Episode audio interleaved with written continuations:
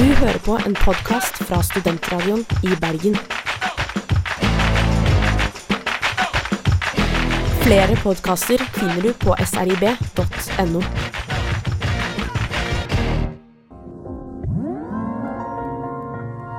Good evening, ladies and gentlemen. I'm certain by now you have guessed that tonight's play is about gravity and people who resist the Earth's pull. Earth's pull. You're wrong.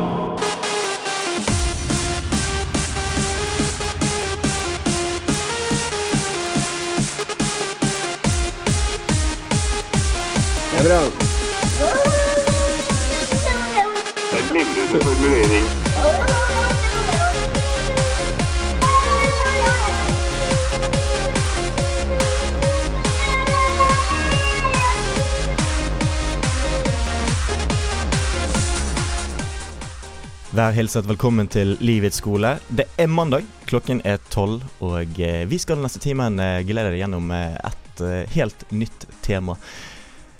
Vi går til oppropet. Steffen Ask Leire, til stede. Øyvind Grimsgaard, Yes. Kristian Tvedt er undertegnede. Jeg er også her. Og vi eh, skal snakke om naturen i dag. Er dere giret, gutter? Gutter boys? Jeg er glad i naturen. Ja, du er veldig glad i naturen. Du er spesielt glad i å gå barfot. Fordi at du er en sånn Du er en sånn alternativbehandler som er av en oppfatning av at det liksom skal kurere deg på en måte. Nå maler du litt feil bilde, men alle er jo glad i å gå barbeint. Altså, Hvor digg er ikke det når det endelig er varmt, du kan ta av deg sokkene og liksom kjenne gresset. Åh. Det, Liker ikke å gå barbeint sånn på skittent gulv. Det er sånn noe av det verste. Eller uh... veldig veldig varm asfalt er også Ja, utrolig det er ikke digg. Og, så de filmene på YouTube der de løper over asfalten, og så bare sitter huden igjen. Åh, Hva i all Det verden er det du Det søker på på på YouTube? har du sett det på YouTube? ja, jeg har sett det. Det er veldig vondt. Er ikke det bare sånn som slipper på sånn Øh. live-leak der ISIS-videoer Nei, sånn? nei, det finnes på YouTube. Det er faktisk eh, Jesus Man må ikke være 18 år engang. Du jeg har sånn eh, absurd behov for å, å se sånne groteske ting. Nei, det er motsatt av det. Nei. Jesus. Men eh, gode ting. Vi skal altså snakke om naturen i dag, og ikke bare jording når du går bar- barbeint. Um, vi skal eh, innom et helt nytt begrep, et ganske gammelt begrep som ble definert for 200 år siden. Det sublime. Men det kommer senere i sendingen. Først skal vi til eh, det vi har lært siden sist.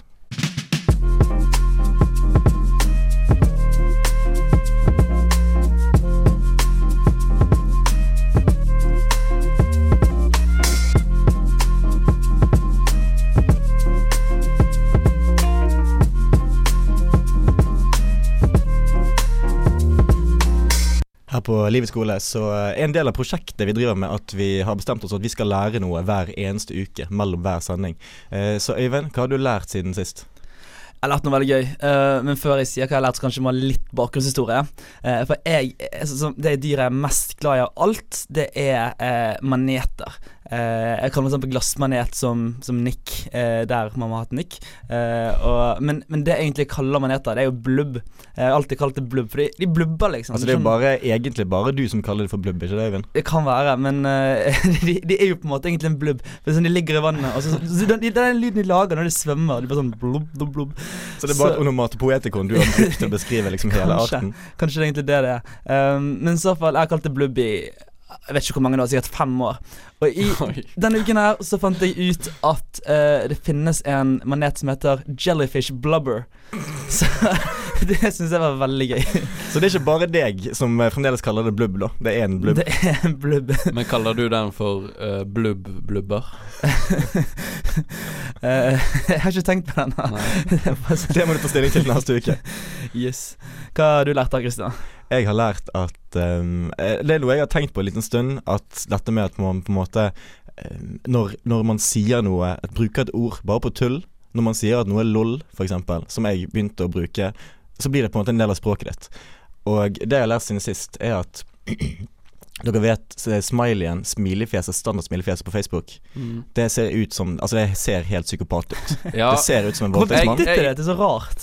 jeg har problem med det, for det er på en måte sånn eh, Det er det jeg alltid har brukt, liksom den standard smileyen. Men, men det, det, det, er jo, det er jo som du sier, det ser jo ikke bra ut. Du ser han, For han, bare sånn, han, han smiler bare med munnen og ikke med øynene. Det er det som er så fucket. Uh, men uh, jeg vet ikke hva, hva jeg skal bruke av de andre, for jeg, jeg syns ikke Det er ikke en smiley der ute for meg som representerer meg. De andre, de er altfor blide. Men du, eh, du har jo ikke iPhone, Steffen. Men eh, du har fått med deg at emojis, der er det mange smiler å velge i. Eh, Ja, hvis, altså, du kan laste ned sånn ulike ting og sånn. Ja, greit. Ja, ja, ja. Men det som jeg òg tenkte på, er at eh, eh, sånn som du sier eh, med, med f.eks. LOL, det er sånn eksempel på der vi har brukt Vi har mange sånne begreper som vi har begynt Vi begynte å bruke ironisk, og så har det bare blitt en del av språket. Ja, vi var integrert i språket. ja, og så kan ikke du på en måte si at det er ironisk lenger, for det at vi bruker det helt eh, Ja, nå, nå bruker jeg det helt naturlig, og det er jo problemet. For nå har jeg begynt å bruke den eh, psykopatsmilefjeset på Facebook helt naturlig. Og det er ikke med vilje, men liksom litt etter litt så har det blitt en del av meg. Ok. Og eh, det er Hvorfor noe begynte du å bruke det i utgangspunktet? Eh, Når man skal illustrere et poeng med eh, en Med psykopat-smilefjes, psykopatfjes. åpenbart. Det, det gjør man jo ofte. Det gjør man ofte. Og eh, jeg skal prøve Altså, det er en eh, uvane lagt til meg, da. Ja. Hva har du lært? Jeg vet ikke jeg, Jeg skjønte ikke, hva har du nei, Hva har du lært? Hva har du lært? Det jeg har lært, er at jeg har fått understreket Hvor er visdommen i dette? det, det som er visdommen, er jo at man ikke må gjøre ting på kødd, Fordi at da blir det sånn. Du må ikke Ah. lage grimaser, for da blir det sånn. Jeg har fått det understreket. Jeg trodde kanskje det var implisitt, men det er, det er visdommen. Dere kan ta ut av dette. Okay. Steffen, din tur. Hva har du lært siden forrige sending? Jo, eh, jeg har lært eh, en, eh, en, en fact. Eh, det er rett og slett bare uh, en, en, en bit uh, fakta som jeg føler at alle burde vite, og som var litt sånn mind-blowing for meg. Og, og vi snakker jo om natur, og vi skal kanskje snakke litt seinere om Altså hva skal vi gjøre for Vi, vi er jo i ferd med å ødelegge hele naturen. Um, så, så hvordan skal vi unngå det? Én eh, en ting eh, som jeg lærte, det var det at eh, Vet dere hvor mye kaldere det var i istiden? Når den var liksom på det største, og det, var, det lå 2000 eh, 2000-3000 meter med is over Norge. Jeg Tipper to grader, men jeg vet ikke. Nå må jo ikke du underslå poenget da, Øyvind. du må, du må jo tippe det du ville tippe. Jeg tipper det er jeg tipper det er 30 grader kaldere. Åh. Er det 30 grader kaldere? Svar meg, Steffen. Hvor mange grader kaldere var det? Å, Steffen er så sur. Han bygde opp det sykeste poenget sitt og bare Dette alle kunne. Ok, Hvor mye kaldere var det i istiden, Steffen? Det var syv grader kaldere. Ok. Det er jo Det er ikke så veldig mye. Det var det du var ute etter. Nei, poenget er jo det at vi opplever jo eh, en sånn temperaturforskjell Opplever jo vi gjerne i løpet av en dag. Fra liksom når det er varmt om dagen til det blir kjølig om kvelden. Så det at det er jo eh, men, men det sier jo litt da om hvor eh, små sånne endringer Når vi sier at liksom ok, eh, det blir to grader varmere om 100 år, så høres det ikke så jævlig mye ut for oss, men det kan ha store konsekvenser likevel. Det har store konsekvenser likevel. Vi skal snakke om hvordan vi kan eh, redde naturen, og hva vi får ut av å være naturen. For natur er tema her på Livets skole i dag. Vi skal snart komme til poenget. Først skal vi høre Bonobo, passe nok med Animals. I løpet av den siste uken sin forrige sending, sin forrige Livets skolesending, så slapp eh, Roskilde-festival i Danmark resten av artistene sine. Så vi her på Livets skole skal bare spille Roskilde-artister i dag. Fett. Skal dere på Roskilde? Vi skal på Roskilde. Vi Vi skal skal faktisk eh, på Roskilde sammen, Steffen. Å ja. Shit, så kult. Så vi kan, vi kan møtes der hvis du vil. Og alle eh, lytterne av Livets skole kan eh, komme sammen. Mm. eh, Som et, som et svært fellesskap, der prosjektet på en måte realiseres. Der vi blir en sekt på ekte. mm. Spirituelt og åndelig kan vi reise sammen gjennom eh, Roskilde-opplevelsen. Se her, ja. Gode ting. Først og fremst åndelig, for vi kommer ikke til å gidde å henge med Nei, det blir litt men, mye. eh, Det blir litt mye. Vi eh, snakker om natur her på Livets skole i dag. Og Steffen, du har jo en lang liste med alle de positive hevelseffektene av å være i naturen. Ja, jeg har gjort uh, research, jeg. Du, fyren, du er research-person i teamet. Ja, jeg er han som gidder å gjøre det. Uh, og um, har, det, det er noen uh, veldig sånne gøye studier uh, som viser effekten av det å være i naturen, være rundt naturen. Eh, en av eh, mine favorittstudier er en fra Sør-Korea, der de eh, ganske enkelt eh, plasserte eh, potteplanter på eh, noen av rommene på sykehuset. Eh, og så eh, så de det at pasienter som hadde hatt operasjon, og som var på et rom med potteplanter, de brukte mindre smertestillende og ble skrevet ut tidligere enn de som ikke hadde potteplanter. Wow. Men finnes så har de liksom korrigert for alle mulige feilkilder, for det er jo, høres jo helt utrolig ut. Ja, det, det er et eksperiment. Det er forskning. Det, Det er ekte vitenskap. legit uh, greier. Kult. Uh, og i Nederland så har de òg vist eh, det at folk som bor i grønnere områder, eh, de rapporterer da bedre psykisk og fysisk helse. Sånn at eh, det, det, har, eh, det har ordentlige effekter på, eh, på mennesker. Det å, å være rundt planter, natur. Det, det er teorier om det at det hjelper oss til å slappe av bedre, da. Ja, for det er det som er forklaringen på hvorfor plantene hjelper? Ja, det er en mulig forklaring. Det det fungerer litt sånn rest restaurerende ved at det da senker stress, og det har òg da blitt eh, demonstrert. Og så kanskje òg det at eh, natur, det kontakt med naturen liksom setter oss inn litt i en sånn større sammenheng eh, som, eh, eh, som gir en større opplevelse av mening i livet òg. Men, eh, så, så vi trenger altså naturen, selv om vi bor inne i våre innelukkede hus. Men eh, altså, husene er jo på en måte laget av naturen. Hvor langt fjernet er vi egentlig fra naturen? Er ikke naturen Det føles jo ikke natur, da. Det gjør ikke det. Ja, hvor eller natur føles det når man har syv potteplanter i stuen? Jeg tror natur føles liksom at noe er levende, eh, som ikke er oss.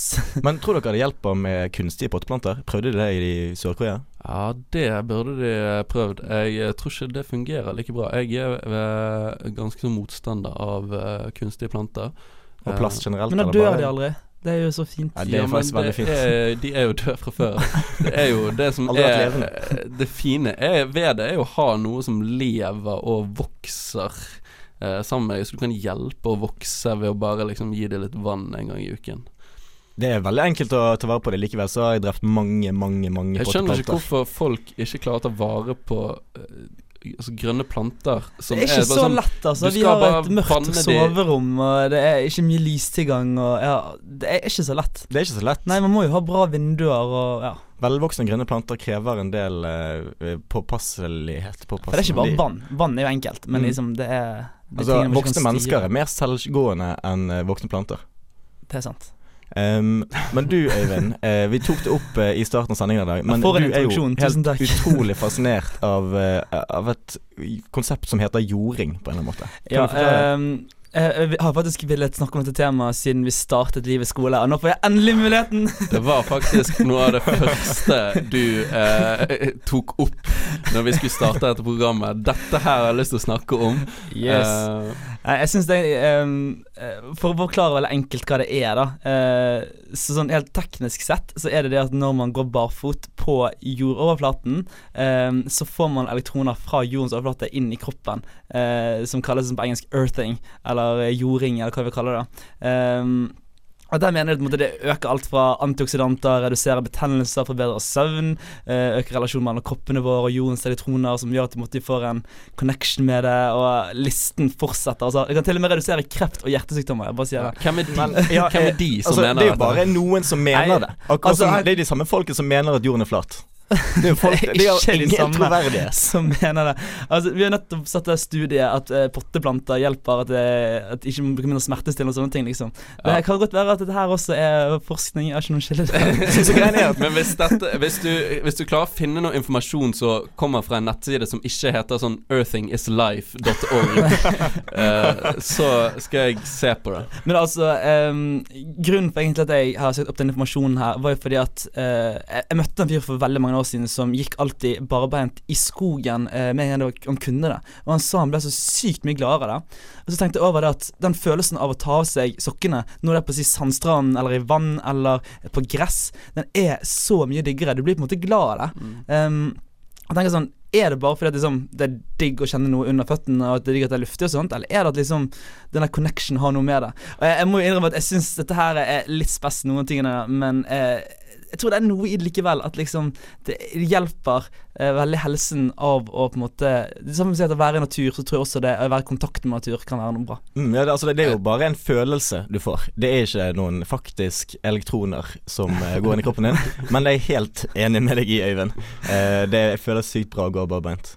Vi skal høre på Poco, som også spiller på Roskilde, med It's a Trap. Du hører på Livets skole på t- det var sykt bra!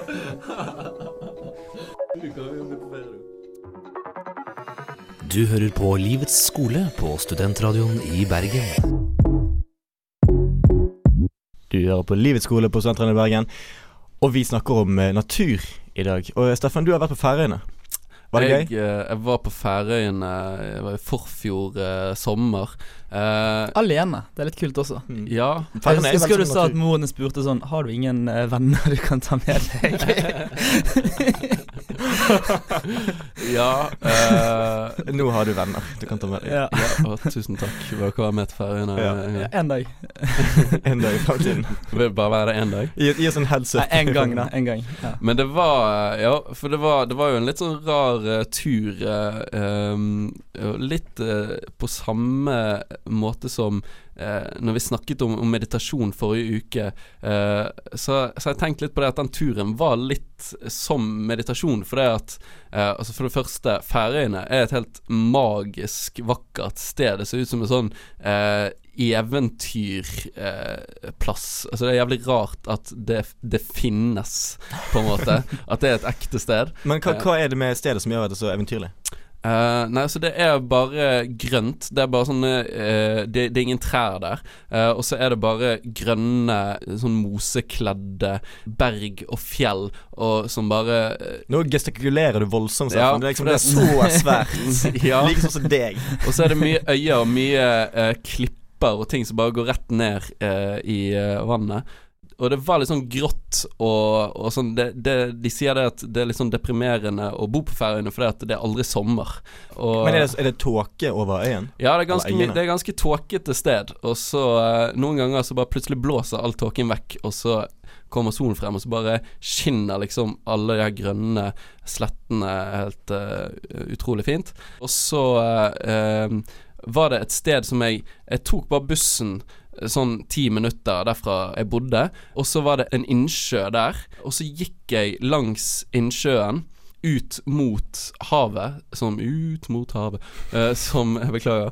Som var ved enden av innsjøen der. Og når jeg kom frem, så eh, Jeg skal vise dere et bilde, for det at Du vet at lytterne våre ikke kan se det bildet, sant? Jeg kan legge Kan det legge ut på det ut. Facebook. Det kan vi gjøre. Eh, og så, så uh, når du gikk oppover der, så så du ikke sjøen, for det gikk bare sånn slakt oppover. Men så plutselig så bare åpenbarte dette her seg, hvor du bare Det er veldig pent. Å, herregud.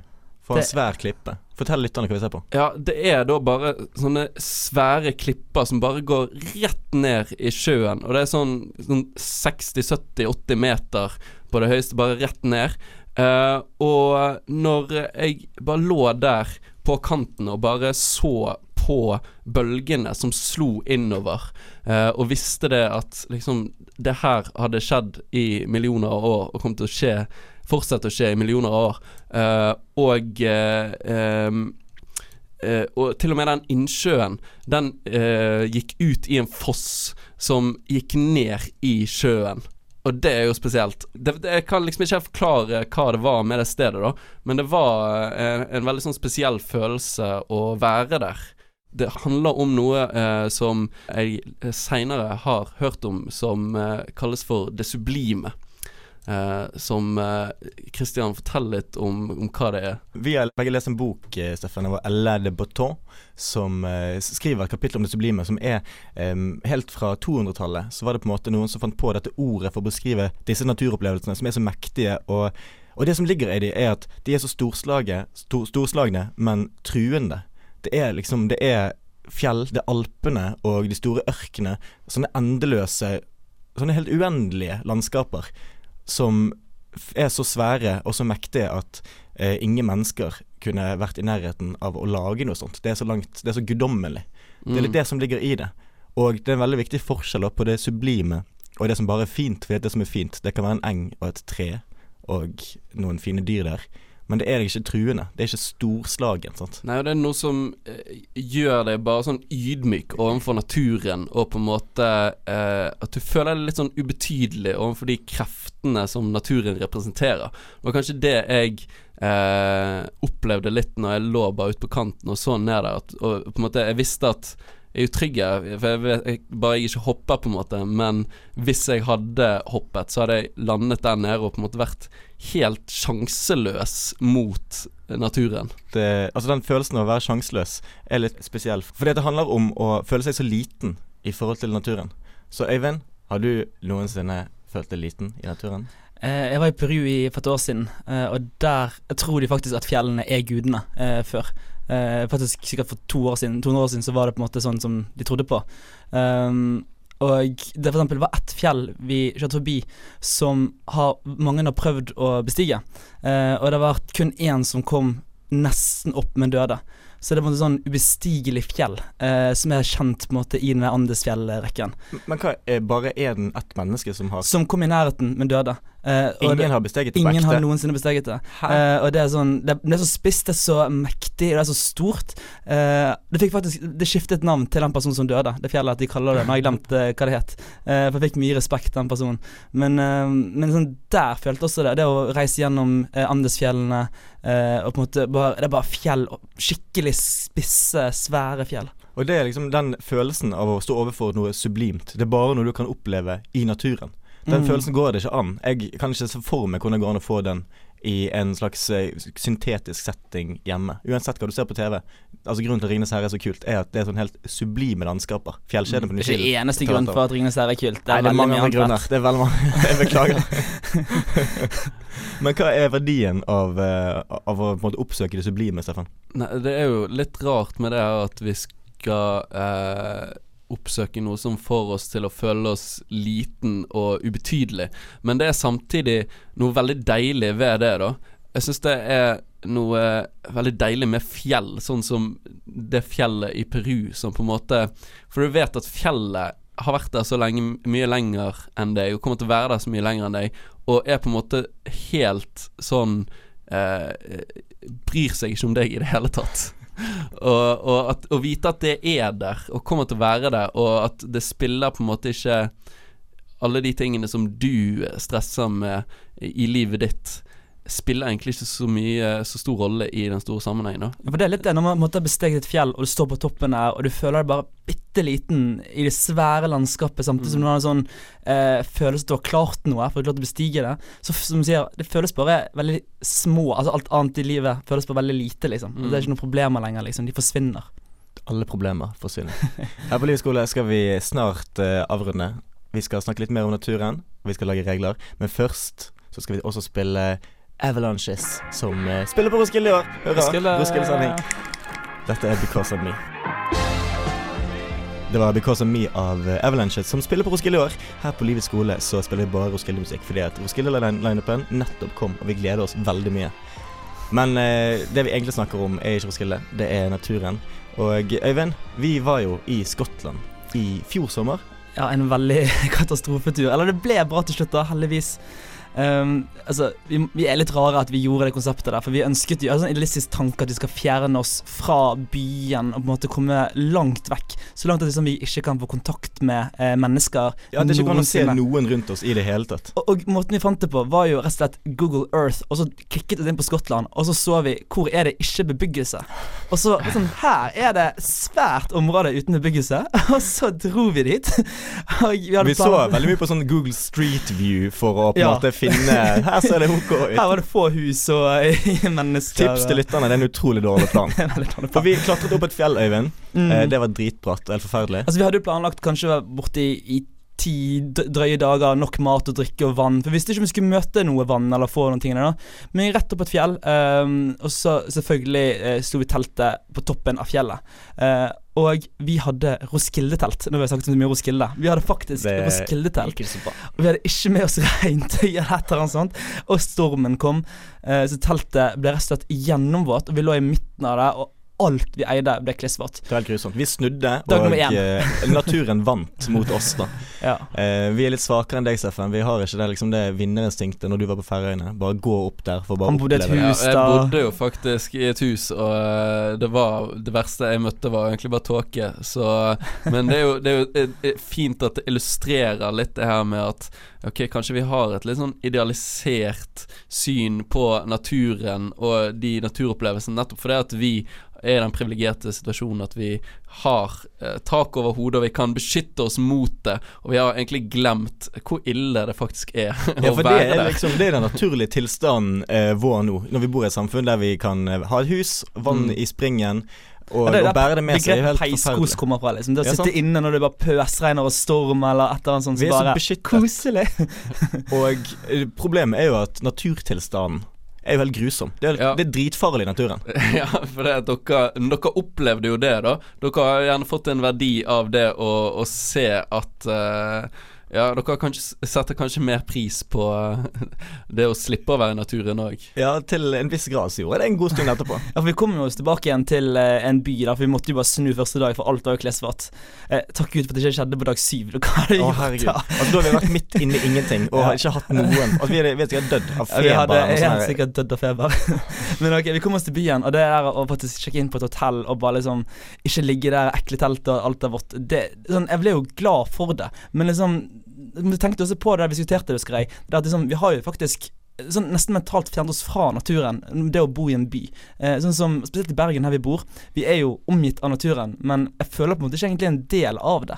Nei, vi er på en måte en sånn isolert del, og så er naturen rundt oss med alle fjellene og regnet. Det blir sånn potteplanter er naturen, og liksom den lille byhagen man har er byen. Liksom, det er, naturen, mener jeg. Men Ja, men så er det jo mer sånn grunnleggende nivå, måten vi snakker om naturen sånn som vi har gjort nå, sant? som noe som er utenfor oss mennesker, og eh, utenfor eh, eh, sant? den verden som vi lever i, med, med ting som vi har bygget og, og laget. Og så tenker vi at det er på en måte noe, noe annet, da. Eh, men vi er jo en del av naturen, og kanskje det er litt av problemet, da. Denne her mentale distansen som vi har satt mellom oss og naturen, som gjør at vi tenker at, uh, at vi kan uh, holde på litt sånn som vi vil, eller at vi sikter ut litt sånn gruvedrift og fracking og farlige ting vi gjør med naturen. Ja, generelt uh, som voldtekt av planeten. Som vi Det kaller her er veldig bra beskrevet, spør du meg. Vi må stoppe med det. Ja. Men hvordan kan vi eh, eh, gjenopprette litt den eh, følelsen og, og bevisstheten om at vi er en del av eh, dette systemet her? Ja, fordi at det er jo bare til å dra ut der og eh, helt seriøst liksom være innstilt på å være der, og ikke bare gå en Mm. tur på fjellet med joggeskoene dine. Men dere, ble dere mer eller mindre motivert til å eh, redde planeten og dyrene etter den opplevelsen dere hadde i Skottland?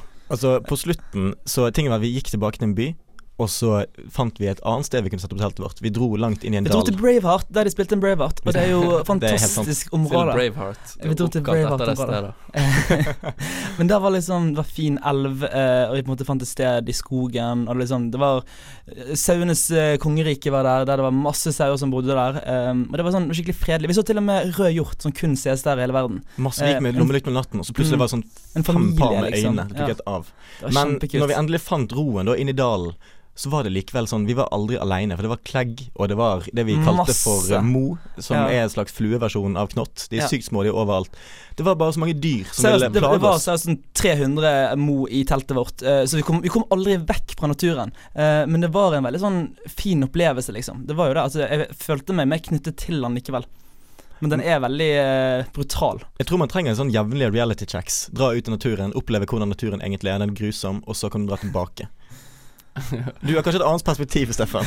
Jeg må ikke være grusom, men eh, det å, å aldri kunne komme seg vekk fra naturen, da ser man at det er ganske kan være ganske brutalt der. Det er helt eh, sant. Vi skal eh, lage regler i pamfletten her på Livets skole, men først skal vi høre Erasure med Always. Live in the moment. Don't get old. Don't judge people because you can't be free if you judge people. Love now. Create. Inspire.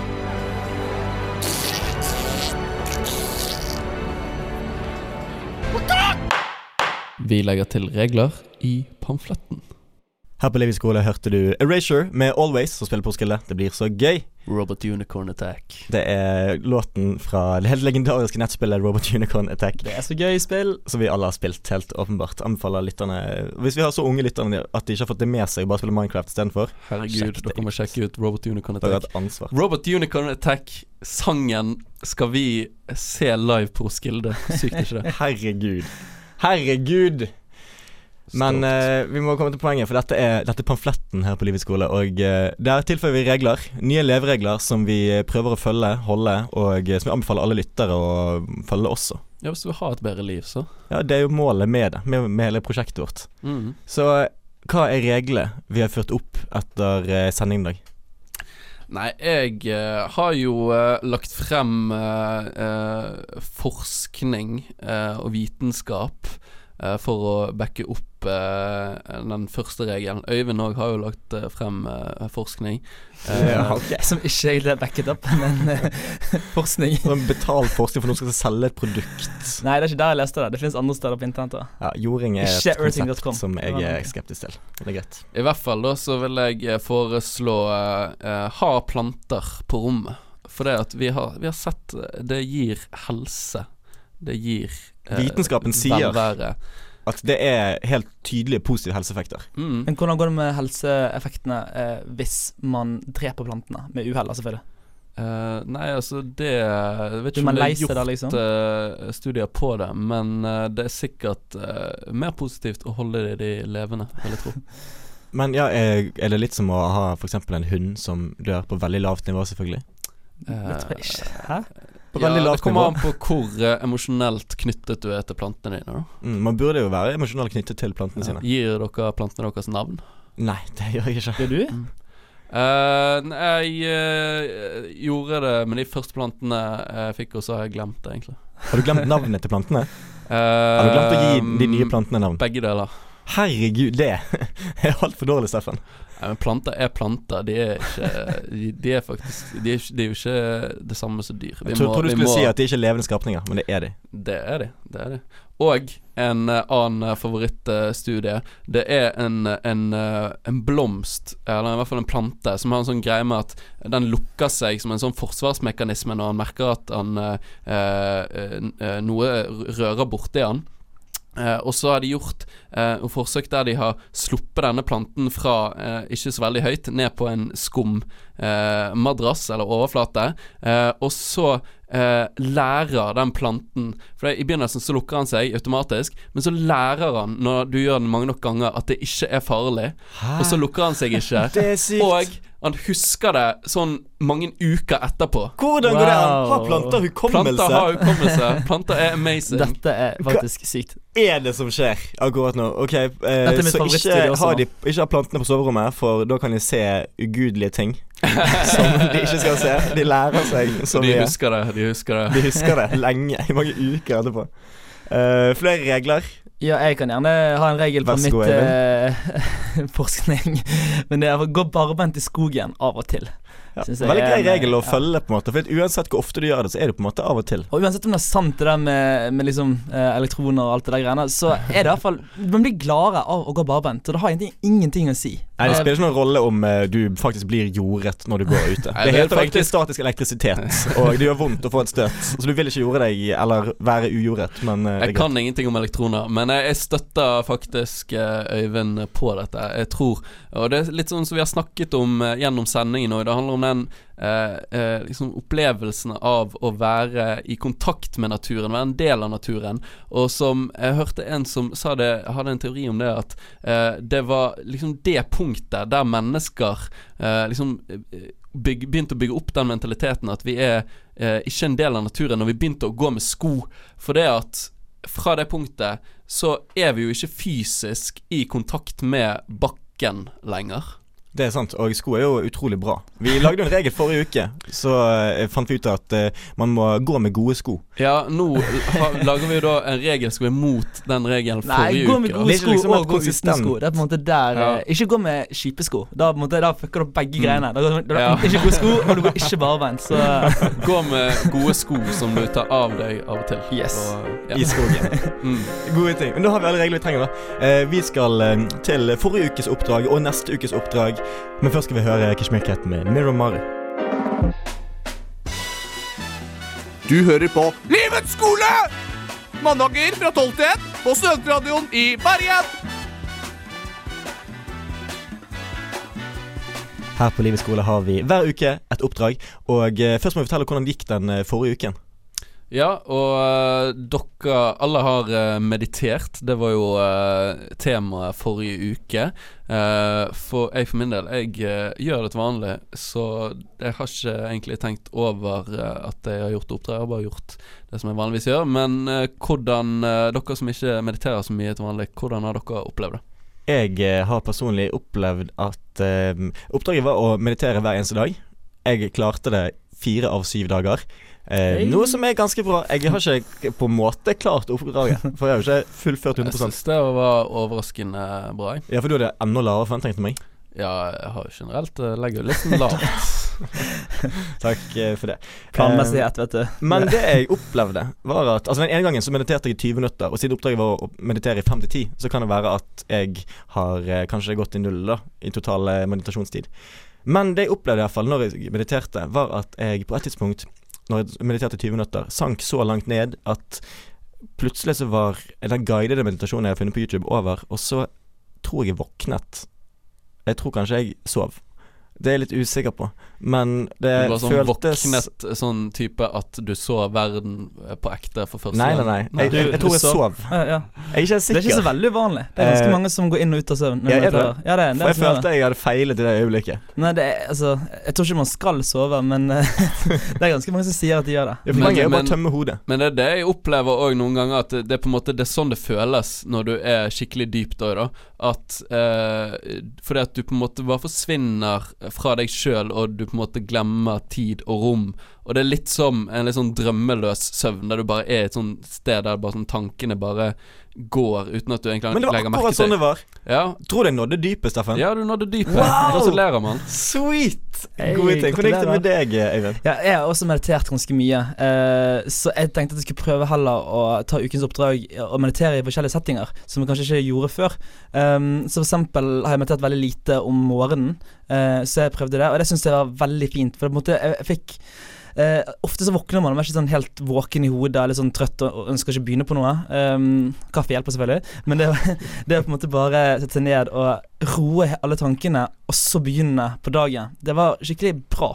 Og så, måtte jeg prøve det motsatt. Altså, prøvde det når jeg var veldig stresset og veldig mye skjedde. Og da er det vanskelig. Da er det kjempevanskelig å meditere. Eh, så da klarte jeg bare kanskje si fem minutter pluss, da. Men, eh, men jeg fikk likevel ryddet opp litt i hodet mitt, og det var fint å på en måte bruke de sånn settinger som jeg ikke er vant til, da. Ja, for det har en genuint skikkelig god effekt. Mm. Har jeg nå innsett da siste uken. Eh, men deg da, Steffen. Du har jo bare gjort det samme som du alltid gjør.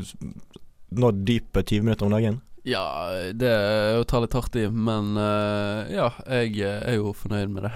Du har jo gjort det til en vane og har gjort det ganske lenge, så det er jo greit. Men vi må nesten til neste ukes oppdrag, for dette gikk jo tydeligvis dritfint. Mm. Eh, du Øyvind har kanskje noe du brenner for? Earthing. ja, vi eh, Så jeg har jo lyst til at vi skal eh, eh, ja, driver med jording, da. Altså går barbeint i naturen.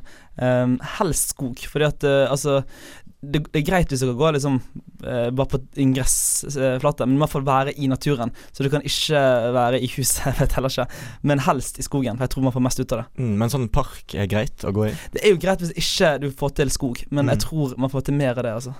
Jeg det, det er jo et veldig fint eh, oppdrag. eh, Sånn vårlig oppdrag. Er, jeg er litt stoked på det. Altså, jeg, eh, jeg gleder meg til å gå litt i skogen og, og kjenne på, på naturen. Veldig tidsriktig å klare å treffe våren på den måten.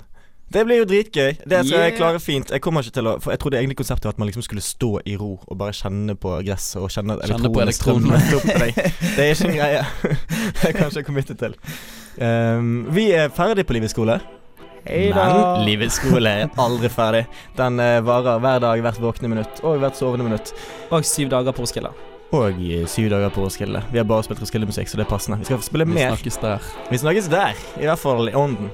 Eh, takk til vår produsent Ulrik Ørn Johnsen, du er dritflink. Dere er flinke, Steffen og eh, Øyvind. Og vi kommer flink. tilbake neste mandag klokken tolv. Dette er Slowdive med Sodaki Space Station.